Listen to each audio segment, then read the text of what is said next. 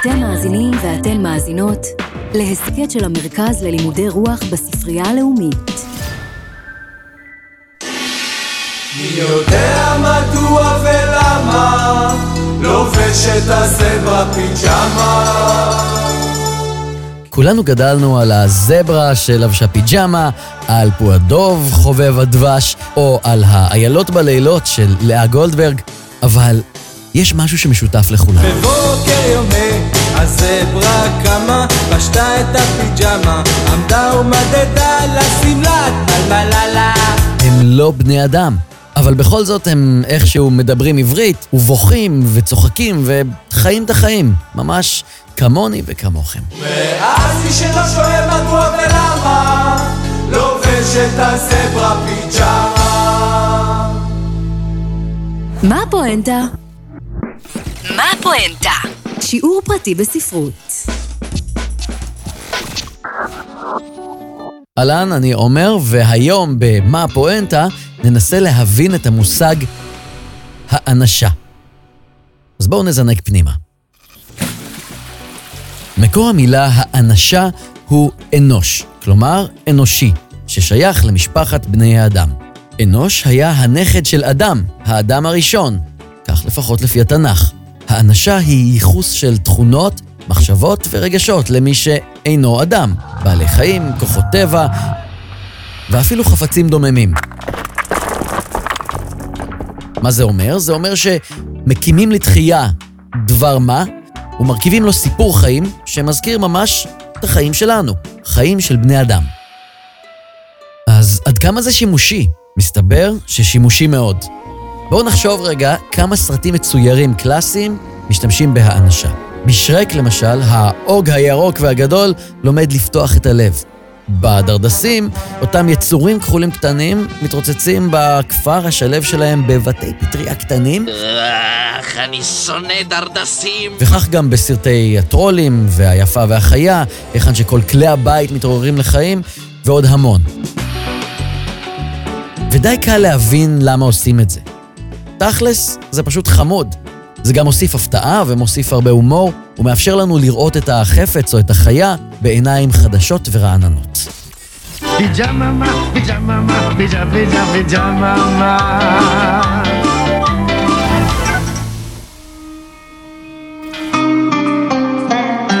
אז מה עושה האנשה לסיפור או לשיר?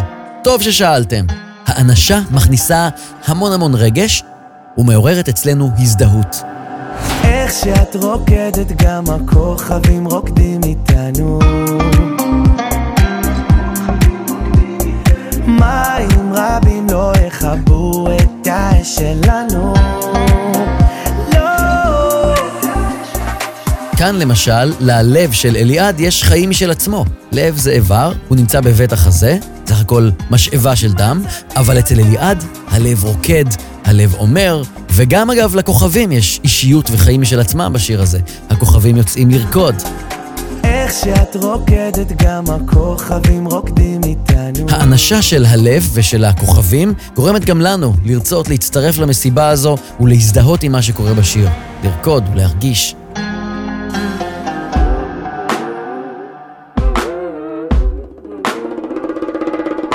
הלהבה אומרת לברוש, כאשר אני רואה כמה אתה שאנן, כמה עוטה גאון, משהו בתוכי משתולל.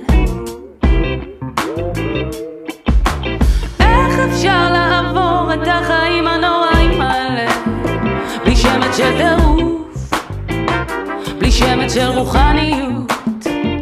בלי שמץ של דמיון, בלי שמץ של חירות,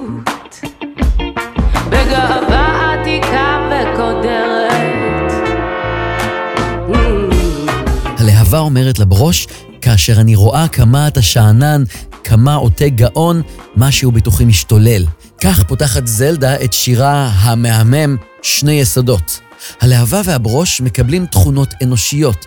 הוא יודע שיש בו טירוף, שיש בו חירות, שיש בו דמיון, שיש בו רוחניות, אך השלהבת לא תבין, השלהבת לא תאמין. שימו לב, השלהבת שלהבת האש, כן? מבינה, מאמינה. זלדה משתמשת ביסודות הטבע, ומונה כאן את עונות השנה, כמה סוגי מזג אוויר שמוכרים לנו מישראל, שזה הכל רגיל ומוכר. אבל כשהיא מענישה אותם, היא נותנת להם חיים, היא יוצרת דרמה. בזכות האנשה הזו, אנחנו מרגישים שאנחנו ממש מכירים את האש ומכירים את העץ. האש פרועה וחמה, כמובן, והעץ דומם ושקט וצומח גבוה, והם ממש קמים לתחייה מול העיניים שלנו. יש להם אופי ויש להם תשוקה שהופכים את כל הדו-שיח ביניהם לדרמטי וסוחף. איך עוד משתמשים בהאנשה בספרות? בספר הקלאסי חוות החיות של ג'ורג' אורוול, אנחנו פוגשים קבוצת חיות משק שיש להן חזון. הן רוצות להפוך ממשועבדות לחופשיות. בדרך להגשמת החזון הזה של השחרור, החיות נתקלות כמובן במכשולים ובקשיים, ומגלות שזה ממש לא פיקניק. אורוול מותח ביקורת חריפה מאוד וסאטירית על המשטר הקומוניסטי בברית המועצות, על מעמדו של היחיד בתוך המשטר הזה, והוא עושה את כל זה דרך החיות בחווה. לכאורה, אלו רק חיות, אבל אורוול ממציא לכל אחת מהחיות האלה אופי ורגשות אנושיים וסיפור, וככה הוא מקביל בינינו, בני האדם, לבין החיות בחווה.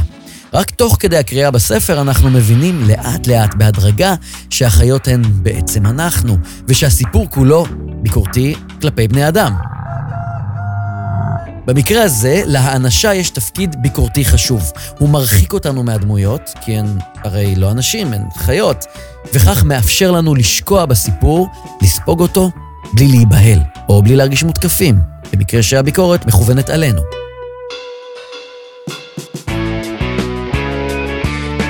ולא רק פעם השתמשו בטריק הזה, גם היום הוא עדיין שימושי. בלהיט הזה שלו, עירומים, שחר אבן צור ממשיל אותו ואת אהובתו לבגדים.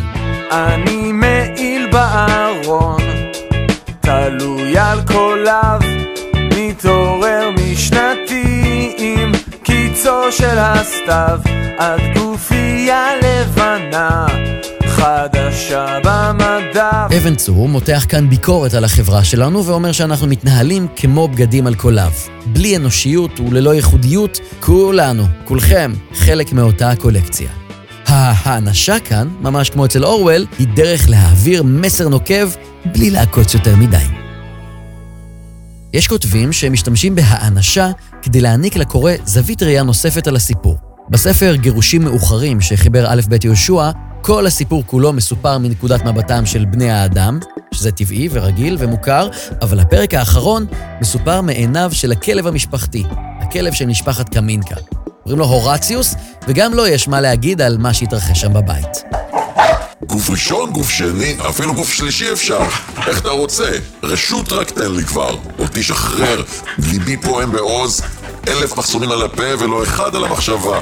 המונולוג הזה כבר מתפוצץ לי בראש. אני מתחיל, אתה רושם? אותי קראת.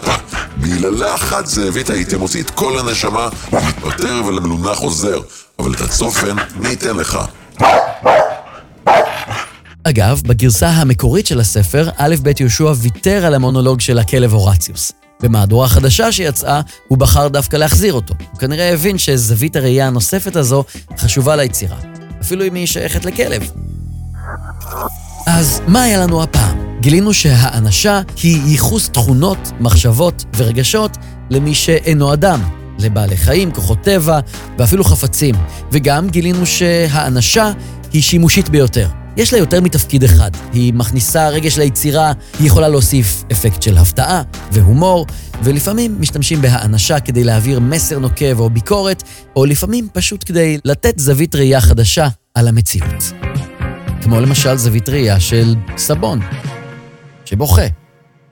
הסבון בכה מאוד, דני לא רוצה בי עוד, ומברשת השיניים מתייפחת שבעתיים. עד כאן הפרק על האנשה, לא לבכות סבון, גם אתם לא, יש עוד פרקים בדרך. נשתמע בהמשך. שרים מה הפואנטה? מה הפואנטה? שיעור פרטי בספרות. הסכת של המרכז ללימודי רוח בספרייה הלאומית, בשיתוף עם הפיקוח על הוראת הספרות במשרד החינוך. הגשה ועיצוב סאונד, עומר סנש. ניהול והפקה, גליה פולק ארביב. כתיבה אחינועם בר, תחקיר אביבית משמרי. תודה למנהלת המרכז ללימודי רוח נטע שפירא, למפמ"רית ספרות מירב בראוט בר פסט ולעידו קינן. ההסכת הופק בתמיכת קרן עזריאלי.